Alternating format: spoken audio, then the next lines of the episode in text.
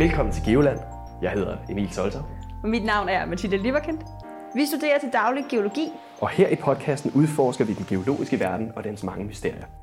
Podcasten Geoland udgives af magasinet Geoviden, som formidler geovidenskab til unge og andre interesserede. I forhold til fremtidens klima, så er der mange af de her klimamodeller, der siger, at vi faktisk får en tørrere sommer øh, med mere ekstrem vejr, ja. Men vi får vådere vintre. Og det øh, kan så faktisk betyde, når vi putter det ind i vores grundvandsmodeller, at vi kan se, at, at vi får en, en større grundvandsdannelse. Temaet om fremtidens grundvand er en todelt optagelse. Hvis du ved en fejl er tunet ind på episoden uden at høre del 1, så skal du gå tilbage og høre den forrige episode. Dagens dobbelt-episode interviewer vi Jakob Skidmose, der er seniorforsker for afdelingen for hydrogeologi for geologiske undersøgelser for Danmark og Grønland. Jeg tænker også, at vi skal snakke om uh, grundvandsmodellering. Og det her med at, at kortlægge, hvordan et, et grundvand det bevæger sig igennem jordlagene. Fordi det er jo også en rigtig stor del af det, der er hydrogeologi. Og det er bare det er sindssygt svært. Jeg har siddet og prøvet at lave grundvandsmodeller før, som en del af basic træning for geolog, geolog, geologistuderende, da du også, Mathilde. Og jeg har også bandet rigtig meget over øh, ja, det her Det er nemlig sindssygt svært. Øhm, og, og det er en stor del af det her med hydrogeologi. Hvordan, øh, hvordan er det, det foregår, og hvad, hvad er det, man bruger de her modeller til? Øh, grundvandsmodellerne, eller de hydrologiske modeller, de bliver brugt, øh, man kan sige, til at forvalte øh, vandressourcen, øh, og også til at beskytte grundvandet. Øh, fordi at øh, når man har en, en øh, kildeplads, altså øh, en samling af boringer, hvor man suger grundvandet op fra, så hver enkelt boring, de har sådan set et område, hvorfra der har været en grundvandsdannelse. Altså basalt set, der kommer en regndråbe på overfladen. Øh, noget af den dråbe, afhængig af om det er vinter eller sommer, kan ende med at øh, løbe ned igennem jorden, hele vejen ned til den mættede zone, og hele vejen ned til et grundvandsmagasin.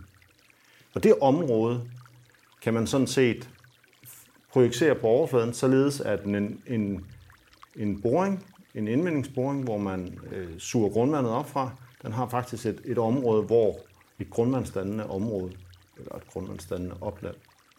Øh, så man bruger modellerne for eksempel til at så sige, jamen hvad er det for et, et område på overfladen, vi faktisk skal være lidt forsigtige med, hvordan vi øh, behandler, kan man sige, i forhold til at øh, lede ting ud på. Øh, og det kan man bruge grundvandsmodellerne til. En anden ting, som vi også bruger grundvandsmodellerne til, det er at lave forudsigelser omkring, hvad er grundvandsstanden? Og det er jo det, der er virkelig sejt. Det er rigtig science fiction, det her med, at man, man opstiller nogle modeller, og man prøver at tage noget data, som man har for, for jordlagene, og hvad det er for nogle parametre, som, som de her jordlag har, hvor gode ledeevner og, og så videre. Og så taster man det ind i den her model her, og så skal den så vidt muligt, bedst muligt kunne ligne noget af det, som vi ser i virkeligheden. Og så kan man bruge det til at, at simulere, hvad der skal ske i fremtiden. Ja, lige præcis. Og, og det man faktisk gør, det er, at man opsætter øh, modellen og forsøger at putte sin bedste viden omkring, hvordan er de geologiske lag, øh, hvordan er, øh, hvad skal man sige, geometrien i grundvandsmagasinet, sådan tredimensionelt. Det er tredimensionelle modeller, det her af, af hvad skal man sige, jorden øh, under overfladen. Øh, og på den måde, øh, så kan man beregne øh, en grundvandsstand ud fra, hvor meget grundvandsdannelse der sker. Og det er der også nogle modeller, der kan beregnes øh, for et hvert punkt. Og øh, så kan man så bruge den her model til at, at, at se på, øh, hvad er, hvad er grundvandsstanden øh, forskellige områder. Øh, det man så gør i praksis, fordi der er, vi, vi kan ikke tage, altså den er ukendt, Øh, nogle steder der har vi lavet en boring, der ved vi, hvad geologien er. Så det, men, men for det meste, så er det faktisk øh, lidt ukendt, hvad sker der nede, sådan helt præcist. Vi har en overordnet struktur. Så derfor de her forskellige øh, øh, parametre, kalder vi det, altså værdier, konstanter, vi putter ind i modellen, dem gør vi det med, at vi justerer dem, vi kalibrerer dem, øh, således at modellens øh, grundmandsspejl og trykniveauer kalder vi det, hvis det er nede i nogle af de dybere øh, lag.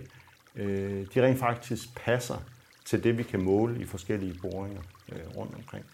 Så på den måde så justerer man egentlig parametrene for grundvandsmagasinerne, øh, således at, at, at det her, vores observationer, vores måling af grundvandsmejlen, de passer med modellen. Og når man så er tilfreds med det, så mener vi så, at vi kan bruge modellen til at lave forudsigelser. Og det kan som sagt være forudsigelse af, hvor er der et grundvandsdannende opland. Øh, men det kan også være forudsigelser af, hvad sker der, hvis vi øh, putter et fremtidigt klima ind. Altså hælder en masse nedbør på vores område, eller vi har tørke i en længere periode. Der er nok større sandsynlighed for tørke lige nu.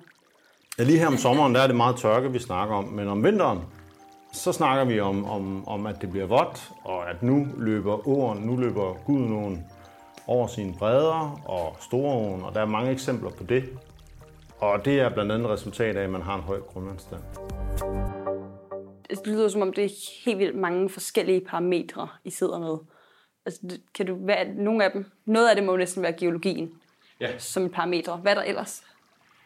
Altså udover geologien, øh, som er ligesom der, hvor grundvandet er, øh, så har vi den del, hvor vi skal have dannet grundvandet, øh, som er den øvre del. Og, og, og det er meget afhængigt af, øh, for eksempel, hvad for en arealanvendelse er det. Altså er det en skov, eller er det en mark, eller er det inde i byen? Øh, fordi for eksempel under en vej, øh, der er belagt med asfalt, jamen der sker ikke nogen grundvandsdannelse, fordi der er ikke noget vand, der kan sive ned igennem det der asfalt. Men der er mælkebøtter, der kan vokse op igennem. Ja, og så kan det godt være, at der er en lille vej. Det er rigtigt. Øh, Og, og det betyder utrolig meget for den her grundvandsdannelse, hvilken arealanvendelse der er. Men, men, men samtidig også, hvad er jordartsforholdene, altså øh, basalt set geologien i de øverste lag. Øh, Den her gennemtrængelighed af vandet. Hvis det er sand, jamen så, kan, så, kan, så kan selv store regnhændelser løbe ned igennem jorden. Det er det, der hedder permeabilitet, ikke? Ja, hvor permeabel er din overflade, ikke? Og din, din, øh, din vej, eller din, din flisebelægning, den kan jo være nærmest impermeabel, altså ikke gennemtrængende. Øh, sandet område, der kan man have en, en stor øh, permeabilitet, øh, så, så det kan ligesom opsuge en, en hel masse vand. Men det ender jo så et eller andet sted. Det forsvinder jo ikke bare det vand, der løber ned igennem overfladen. Øh, og det er også derfor, vi kan se, at øh, i den vestlige del af Jylland, hvor vi har, øh, har de sandede jord, det er også der, hvor vi observerer den, den største grundvandsdannelse.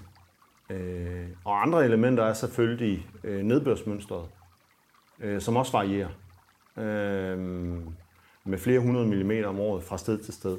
Øh, der, hvor vi har den største nedbør, det er jo, det er jo omkring Jyske højderyg, øh, hvor det, der falder mest regn. Og der kan vi have mere end, end 1000 mm regn øh, om året. Øh, og andre steder kan det være en 600 mm regn. Det betyder også noget om, øh, for hvor meget grundvand der dannes. Både hvilket miljø, der er ovenpå geologien, og så hvor meget det regner. Ja, Jeg tænker også i forbindelse med, at, at vi har et klima, som skifter sig med tiden. Vi kan jo i, i virkeligheden sidde og forudse, hvad der sker, hvis vi har et, op, et var- opvarmende klima, og, øh, og, og det, det vil medføre, og hvordan det vil påvirke grundvandet. Er det også øh, noget, man kan bruge de her modeller til? Ja, det er jo så det, vi, vi forsker i, øh, kan man sige. Og, og vi er efterhånden så langt, så vi har en eller anden idé om, hvad vil der ske i Danmark øh, med vores vandressource eller vores øh, grundvand. Øh, og det foregår på den måde, at man har nogle klimamodeller, og i princippet er det det samme, som der bliver brugt til at lave, øh, når man ser vejret i fjernsynet. Øh, De bliver så bare, i stedet for at blive kørt øh, intensivt den næste uge, så kører man den de næste 30 år. Ja, og det er sådan noget, man, man forudser mere nedbør, der er flere skybrud for, for fremtiden. Det, og, og det, skal jo også, det er jo også noget, der går ind og påvirker grundvandet, og, og eventuelt kan lede til flere oversvømmelser. Ja, det vi kan se for, fra klimamodellerne, øh, som så kan danne input til vores øh, grundvandsmodeller, det er, at øh, vi får en ændret dynamik. Øh, vi får mere ekstreme hændelser, øh, så vi kan faktisk øh, godt få øh, både tørrere klima i fremtiden, men også vådere klima. Øh, I forhold til grundvandet, øh, der er det afgørende, den her dynamik, øh, hvornår de her ændringer kommer, om det er om sommeren eller om vinteren.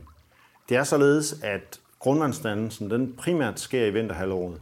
Okay. Om sommeren, alt det nedbør, der kommer ned, det meste af det, næsten det hele, jamen det, øh, det bliver brugt af planter og, og fordamper det. Øh, så der når simpelthen kun meget lidt grundvand, eller vand ned til grundvandet. Okay. Øh, mens om vinteren, der øh, ligger de jo lidt i dvale, de fleste planter. Øh, og så har vi så grundvandsdannelsen. Og i forhold til fremtidens klima, så er der mange af de her klimamodeller, der siger, at vi faktisk får en tørre, tørre sommer øh, med mere ekstrem vejr, ja. Men vi får vådere vintre. Og det øh, kan så faktisk betyde, når vi putter det ind i vores grundvandsmodeller, at vi kan se, at, at vi får en, en større grundvandsdannelse.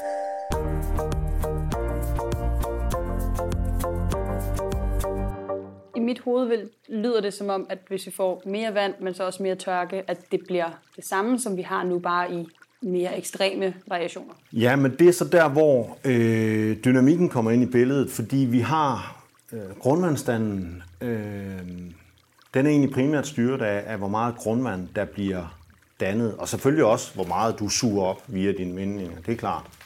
Øh, men i og med, at den grundvandsdannelse, den sker i vinterhalvåret, og det er der, vi ser øh, mere nedbør, så kan vi faktisk have en øh, netto større grundvandsdannelse og øh, en større grundvandsstand i fremtiden. Så kan man selvfølgelig sige, at vores forbrug af vand, øh, det kommer nok til at ændre sig i fremtiden, fordi vi, vi får tørre klima om sommeren. Så vi kommer til at bruge mere? Vi kommer formodentlig til at bruge mere vand om sommeren. Og bruger, altså, hvis det nu tørrer, bruger planterne så også mere vand? Eller vil de sådan drikke et konstant mængde? Øh, planterne, de, øh, i nogle tilfælde, så kan de godt have rødder øh, ned til grundvandet. Øh, også hvis grundvandet det står tæt på terræn, øh, inden for et par meter, eller måske helt op i terræn, jamen så kan de ligesom sætte rødderne helt ned i, i grundvandet. Men, men for det meste, så har de ikke rødder ned i grundvandet, øh, men i den umættede zone, altså den zone, hvor, hvor de her porerum øh, imellem øh, kornene nede i jorden, øh, de ikke er fyldt ud med vand, altså jordfugt. Og så kan man sige, kan den zone blive fuldstændig tør. Men det har ikke nødvendigvis en påvirkning af grundvandsspejlet, der ligger længere nede. Øh, så der er nogle dynamikker her, der gør, øh, at, at det ser ud til, øh, at øh, vi får mere grundvandsdannelse i fremtiden. Det kan jo også lede til oversvømmelser. Og, og, og, og så det betyder jo også, at der er nogle steder i Danmark, hvor man er nødt til at, at sikre sig øh, i forbindelse med den grundvandsdannelse, som er mere end den før i tiden har været. Er det rigtigt? Ja, og det er her, hvor det mere ekstreme vejr så også kommer ind i billedet, fordi hvis, hvis, hvis de her øh, nedbørshændelser, øh, de bliver mere ekstreme, øh, så kan det selvfølgelig også påvirke grundvandsdannelsen, men, men det gør så, at, at overfladen, afdræningssystemerne, åerne, de skal ligesom af med vandet øh, under en kortere periode, og så kan det lede til mere øh, oversvømmelse. Og specielt hvis, hvis de her hændelser de sker i en periode, hvor, hvor grundvandsmagasinerne de ligesom er fyldt op, øh, så er der ikke øh, mulighed for, at grundvandet kan, kan, kan sådan, øh, optræde som sådan en buffer. Øh, for der er simpelthen ikke mere plads nede i grundvandet.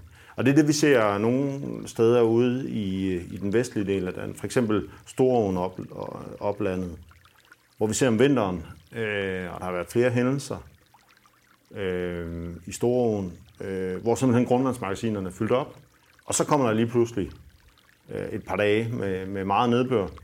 Og det behøver sådan set ikke være skybrud som sådan. Det er bare en længere periode med meget nedbør. Så skal det hele ud i åen øh, på samme tid, og det kan så være et problem, og så kan der være oversvømmelse.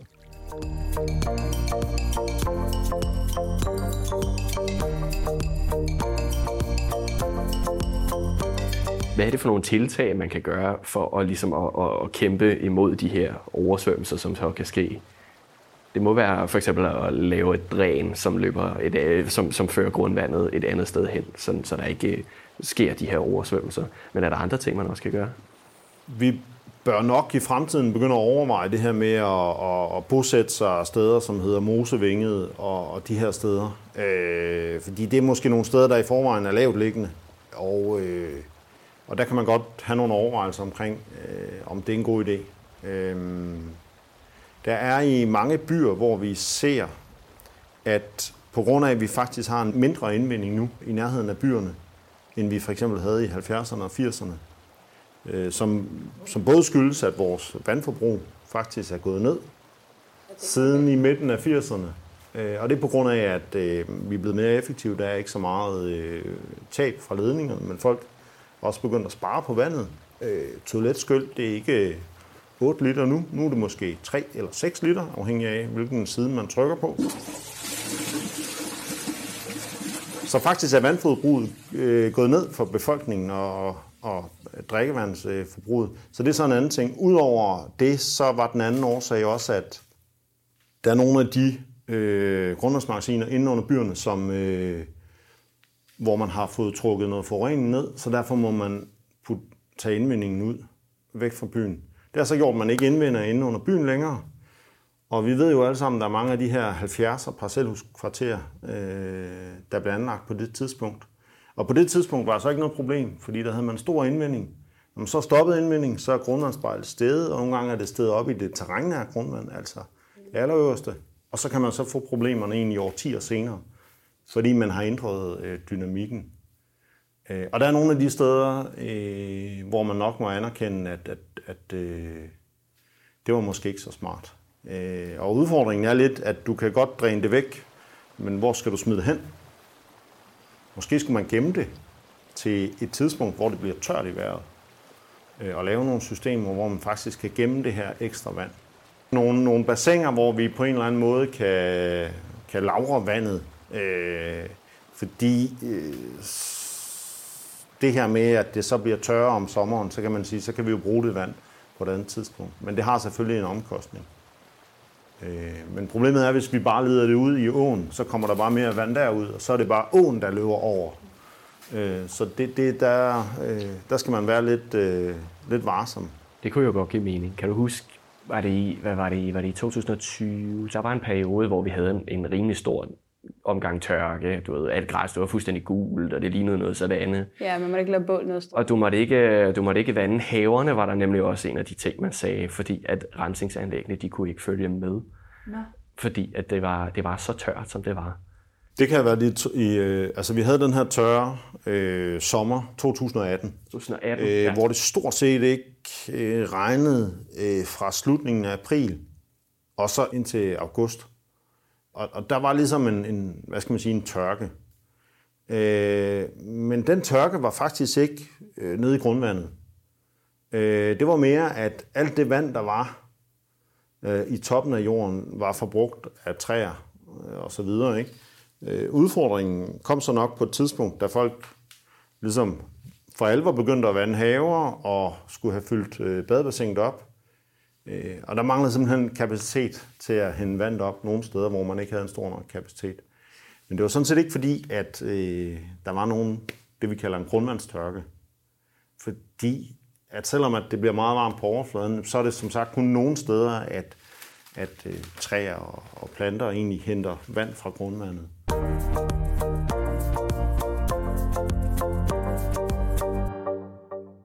Jeg sad lige og forestillede mig også, øh, nu siger du, at du nævnte et bestemt sted, hvor det måske ikke var så godt at have et hus, fordi der var meget lavt.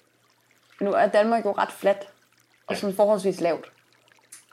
Så kommer hele Danmark til at blive problemer i fremtiden i forhold Nej. til grundvandet? Nej, fordi at selvom vi har et, øh, et fladt land, øh, ikke rigtig nogen bjerge, et himmelbjerg, som ikke går til himlen, og, og, og sådan nogle ting, jamen så er der stadigvæk nok, øh, hvad skal man sige, topografisk variation. Altså der er nok til, at der faktisk er stor forskel på, øh, hvor dybt grundvandsspejlet ligger. Når jeg siger grundvandsspejlet, så er det ligesom den øvre grænse af grundvandet. Nogle steder, der ligger det 10-20 meter nede, og så selvom man, det måske stiger en meter i fremtiden, så er det jo ligegyldigt. Øh, andre steder, der kan det være, at det ligger øh, halvanden meter nede nu, hvis det så stiger en meter, så er det lige pludselig en halv meter nede. Og så har du balladen med, med, med kældre, fundamenter og veje og så videre. Så derfor så kan man sige, øh, når du bygger et nyt hus, øh, og man siger, at det her område, der vil vi gerne have nogle nye huse, eller du gerne vil have en dyb parkeringskælder, eller hvad man nu har lyst til, så er det vigtigt at orientere sig omkring, øh, hvor ligger grundvandsspejlet, men faktisk også, øh, hvad er forudsigelsen for, hvor det grundvandsspejl ligger i fremtiden.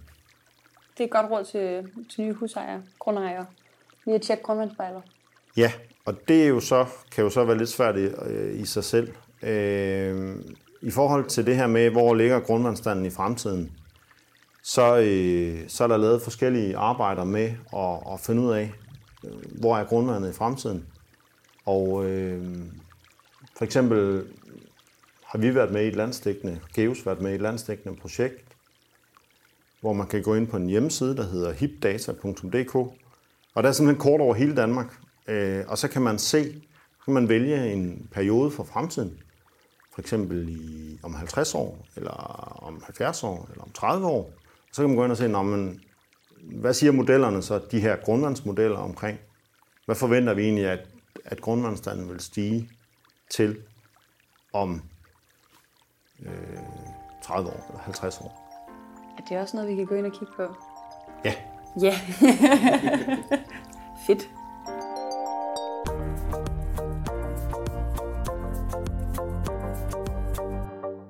altså en del af arbejdet med hydrogeologi, det er jo, når du sidder her og laver grundvandsmodeller og prøver at forudse, hvordan de, øh, de bevæger sig igennem jordlagene. Men man må vel også lave noget feltarbejde, når man arbejder med hydrogeologi. Hvordan, øh, hvordan fungerer det? Hvad går du og laver for eksempel, hvis du er ude i felten? Jeg laver mange ting ude i felten, og noget af det er mere sådan øh, basalt øh, hydrogeologi, øh, som at måle grundvandstanden, øh, pejle grundvandstanden, finde ud af, hvor dybt nede ligger det her grundvandsspejl. Det er sådan en meget basal ting. Øh, og så er der så øh, nogle ting, som andre typisk laver, geofysikere laver, øh, som egentlig laver øh, geofysisk kortlægning, som finder ud af, hvor er de forskellige grundvandsmagasiner, hvilken dybde ligger de, og hvad ligger der over dem. Øh, og det danner sådan set input til en geologisk model, altså sådan en tredimensionel geologisk model over undergrunden. Og den tager vi så og putter ind i, i vores computermodel, eller vores grundvandsmodel, og bruger. Og der bruger man alt muligt fancy science fiction udstyr. Jeg kigger her på et apparat også, som vi også har med her på, øh, på kontoret. Hvad, hvad, hvad i alverden er det? Jamen, det her er egentlig den, den lidt mere avancerede udgave. Altså, øh, det vi så kan se her, det er sådan en lille, en lille sonde med en, en lang ledning på, og så sådan en lille sendeapparat med en lille antenne på. Altså, det ligner jo sådan en, en lasso, men for øh, sådan science. En science lasso. Ja, ja, ja. Jamen, den, øh, det er også en form for, for grundvandslasso. Den kan fange grundvandsstanden. Øh, og det, i og med, at vi lever i den her sådan online øh, tid, hvor det hele skal være i real tid, og hvor vi også kan bruge de informationer med, at vi får data med det samme. Så den her, den kan ligesom, øh, den sætter man ned i en boring et givet sted, og så står den og sender, for eksempel en gang om timen ind, og så kan vi læse, øh, hvad er grundvandstanden øh, det pågældende sted i real tid. Ja, ja sådan et live øh, streaming af, af, af grundvandet, ja. så man kan se, hvor den er på et givet tidspunkt. Ja. Det skulle være meget smart. Så altså i den ene side, den her ledning, det var den her sonde, du snakkede om. Og i den anden side, der har vi sådan en... Altså, det ligner metallod. Metallod. Ja, og det metallod, det er faktisk sonden, kan man sige. Så det er den, I sætter ned? Ja, det er den, vi sætter ned, og det er derfor, der skal være en, øh, nogle gange en lang ledning på, fordi der kan godt være måske 10 meter ned til grundvandsspejl, så der skal så være en lang ledning. Og den måler så grundvandsstanden øh, ned i jorden i, bo, i en boring. Øh, der skal være en boring, man kan sætte det ned i. Øh, og så går der en ledning op til overfladen, og så er der lige den her lille senderboks, øh, som så måler, eller sender, hvad kan man sige, den måling videre. Øh, og så kan man så øh, gå ind og læse den. Vi har, øh, vi har en, en hjemmeside, der hedder grummerstanden.dk, hvor, hvor vi er ved at sætte sådan nogle øh, øh, sådan noget måleudstyr her op forskellige steder i Danmark, så man kan gå ind og finde en, øh, en grundvandstand tæt på dig selv. Øh, det er det med den her grundvandstand, at den er, øh, der er stor variation på den. Det vil så sige, at Øh, faktisk inden for 10-20-100 meter, der kan den godt variere meget. Så er det jo vigtigt at have mange af de her øh, science fiction lassoer rundt omkring i Danmark. Øh, så efterlader man dem, og så kan du få et, et, et 3D-billede i virkeligheden om, hvor ja. øh, grundvandssagen Øh, det er jo så der, hvor vi bruger vores øh, grundvandsmodeller, fordi vi kan aldrig få så mange, så vi ligesom på hver, øh, hver 10. meter har sådan en her. Øh, det, det er simpelthen ikke muligt. Nej, det er lidt for øh, det er lidt for dyrt. Og øh, det er jo så det, vi bruger vores grundvandsmodeller til, som vi så justerer efter de her observationer. Og så får vi en computermodel, og den er så øh, rummelig udbredt. Altså der kan vi sådan set få en, en måling for hver sådan 100 gange 100 meter felt øh, overalt. Det er der selvfølgelig noget usikkerhed på, men, men jo flere af de her reelle målinger øh, ude i virkeligheden, vi har fra sådan en, en, en sonde her, øh, jo bedre kan den model blive. Og det er derfor, man, det er utrolig vigtigt, at man ligesom kobler de her målinger ude fra virkeligheden, det her feltarbejde. Ja, og det kan vi så gøre på en smart måde, øh, via sådan en her, der kan, ligesom når den er sat op, så skal man bare ud og skifte batteri, eller sætte nogle solceller på, og lige tjekke, om den virker en gang om året, øh, og så faktisk få målinger ind hele tiden. Men det i kombination med modellerne, øh, så kan vi få en pæn idé om, hvor er grundvandet.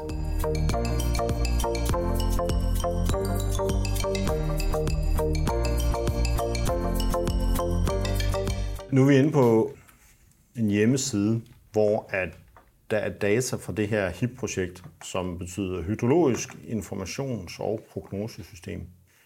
Og det er et sted, hvor man faktisk, øh, vi kigger på sådan et øh, billede af Danmark, et Danmarks kort.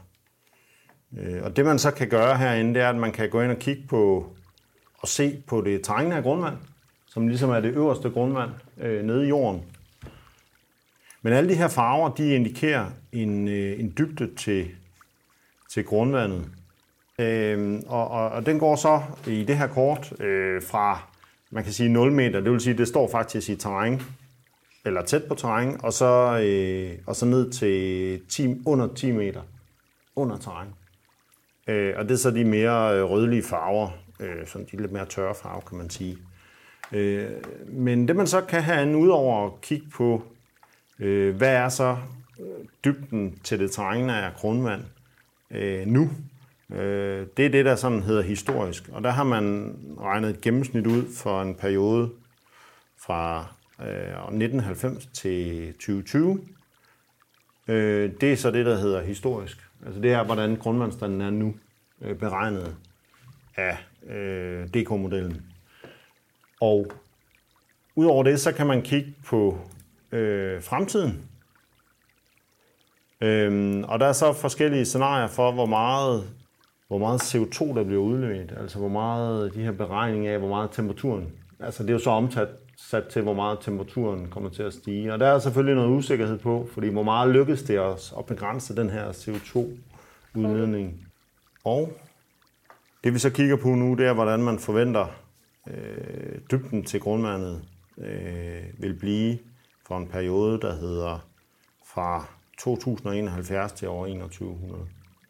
Hold da op. Der er vi blevet gamle. Der er blevet gamle. Man kan også vælge en periode, hvor det er fra år 2041 til 2070. Det kan jo godt være, at øh, det ikke lykkedes menneskeheden at begrænse udledningen af CO2. Så kan vi øh, skifte over på den her, der hedder høj øh, CO2-udvikling. Og der kan verden så se lidt anderledes ud. Og der kunne man faktisk godt se, at for sådan Københavnsområdet, der kom nogle af de her, når vi går over til, den, til sådan den, det høje CO2-niveau, hvis vi tror på det i fremtiden, at så kommer der faktisk en større ændring ind. Så man kan sige, øh, jo mindre det lykkedes os at begrænse CO2-udlægningen i fremtiden, så jo større den bliver, jo større ser det også ud til, at vores øh, grundvand det bliver påvirket. Og generelt kan man sige, det er egentlig både i, i det problem, hvor, hvor altså steder, hvor det bliver tørrere, men også der, hvor det bliver vådere. Så det bliver mere ekstremt, hvis det ikke lykkedes os at bekæmpe den her CO2-udlægning. Endnu en Til at bekæmpe CO2. Ja, det Super godt. Sætter vi på den øh, meget lange liste. Ja. Vi er ved at være ved vejs ende, og det har været en sand fornøjelse, Jakob. Mathilde, hvad har været det mest spændende i dag? Jeg synes, det mest mindfucking har været det her med, at hvis du efterlader et glas vand ude i et par timer, en, en dag eller to, så smager det rigtig, rigtig dårligt. Fordi det er, øh, hvad det er oxygenen, der går ind og, og forstyrrer det. Men hvor at grundvandet kan have været et par år undervejs og et par år gammelt, og det kan, det kan smage godt. Ja, og, altså, og et par år er jo også at underdrive det lidt, fordi det kan være rigtig længe undervejs. Så når du åbner for din vandhane, så drikker du muligvis noget vand, som har været et par 100, 100 år, 1000 år endda. Og, og det, er jo, det er jo en spændende tanke. Og, og det her med også, at vi, vi kan kigge på grundvand, og vi kan overvåge det så nøjagtigt som vi kan, og vi kan lave nogle rigtig spændende modeller, som kan forudse, hvordan grundvand det forløber sig også i fremtiden. Og deraf kan vi også konkludere nogle tiltag, som skal til som en konsekvens af klimaforandringer. Det, det er fuldstændig science fiction-agtigt, og det synes jeg er super spændende. Altså det her med, at der er så mange parametre. Altså, jeg synes jo, det er svært nok at huske, hvor mange ting, der jeg skal købe ind til aftensmad, når jeg er nede og handle. Men de har jo sindssygt mange bolde i luften med alle de her parametre, de skal huske have indover. Det er vanvittigt kompliceret, og øh, ja, og det har været en fantastisk øh, mulighed at få et indblik i det her. Så tusind tak, fordi vi måtte komme og besøge dig, Jakob. Velkommen, det var hyggeligt. Det var rigtig hyggeligt. Ja, og så er der ikke andet at sige, at hvis du gerne vil mere i dybden med grundvand og nogle af de her komplicerede modeller, der anvendes til at forudsige grundvandet i fremtiden, ja, så kan du finde masser af artikler, videoer og mere viden at fordybe dig i her på geoviden.dk. Desuden fik Emil og jeg også syn for sagen, da vi fik kigget på et par hjemmesider. Og du kan også gå ind og finde ud af, om du bader i hårdt vand eller i blødt vand. Vi blev også præsenteret for en sonde, der bruges i felten, og det har vi taget et par billeder af og lagt ud på geoviden.dk under podcasten Geoland, som du også kan gå ind og kigge på.